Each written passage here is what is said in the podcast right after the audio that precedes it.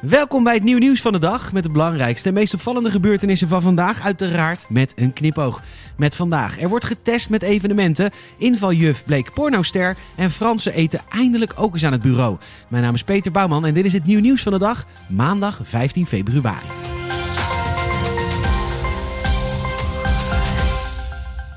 Vandaag opende er voor het eerst sinds lange tijd een congres met daarbij 500 gasten en chicks.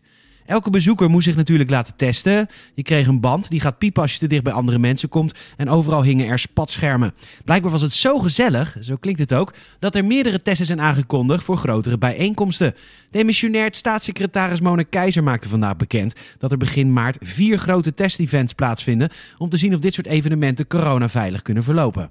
In de planning staan een muziekshow en een dance-event in de Ziggo Dome op 6 en 7 maart. Een week later zullen twee soortgelijke feesten worden opgetuigd op een evenemententerrein in Biddinghuizen. Met deze twee locaties hoopt de overheid meer inzicht te krijgen in de effecten van zowel de binnen- als buitenevenementen. In de Ziggo Dome zijn 1300 bezoekers welkom. In Biddinghuizen is er een maximum van 1500 gasten per party, zo meldt de Telegraaf. Naast deze grote evenementen zal er de komende week nog een theatershow van Guido Weijers te bekijken zijn. En zal er beperkt publiek aanwezig zijn bij Almere City Cambuur en NEC De Graafschap. Of er bij deze twee toppers van wedstrijden genoeg kaarten verkocht gaan worden, zelfs al is het voor heel weinig mensen, is nog onduidelijk. Grapje hooligans, grapje. Het is tijd voor het nieuw nieuwsgetal van de dag. Je krijgt nu een getal en aan het einde van de podcast de context. Het nieuw nieuwsgetal van de dag is 7383.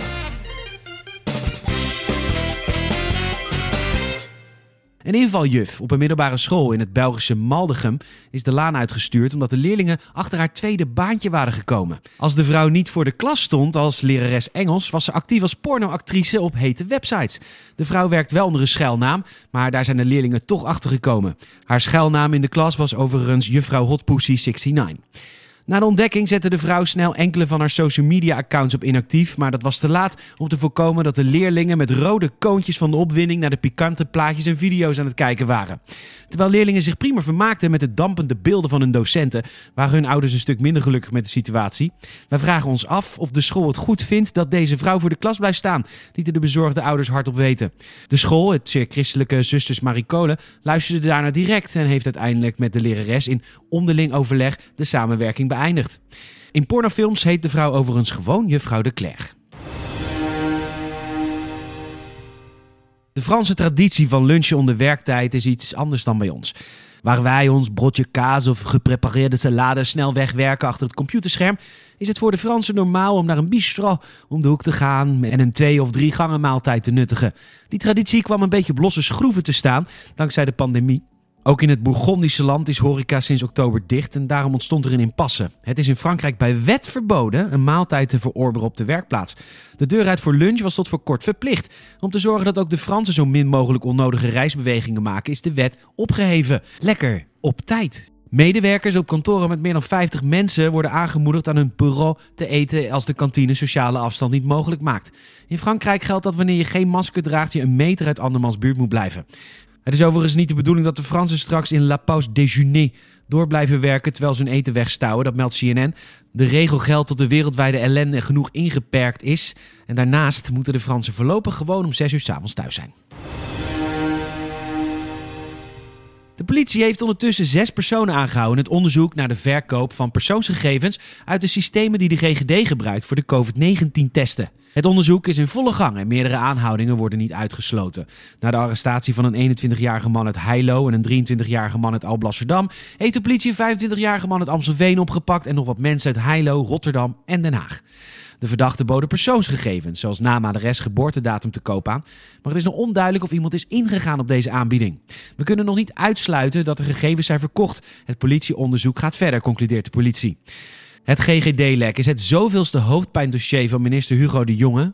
Maar, en natuurlijk zijn we er nog lang niet, we maken met Nederland wel degelijk een inhaalslag met het vaccineren. We zijn Frankrijk voorbij en inmiddels een Europese middenmotor. Dus het moet gezegd, Hugo, top. Ja, ik heb het nu toch gezegd. Een Amerikaan die net weer op vrije voeten was, zit alweer in de gevangenis. Hij was nog geen 20 minuten achter de tralies vandaan toen hij opnieuw in de boeien werd geslagen. De 31-jarige man uit Spokane in de Amerikaanse staat Washington probeerde een ritje naar huis te regelen. Dat deed hij niet helemaal op de correcte manier. Hij wilde een 16-jarige inwoner van de stad haar auto afhandig maken. Hij deed net alsof hij een wapen had toen hij het meisje benaderde. De politie ontving de melding van het diefstal en besloot meteen de stad uit te kammen. Al snel werd de man gevonden en weer in de boeien geslagen. Hij beging de misdaad op pakweg 2 kilometer bij het huis van bewaring vandaan. En daar zit hij inmiddels weer, dat meldt abc.com. He must have thought because, like the clock sounds at home, it sounds absolutely nowhere. And east-west, home best.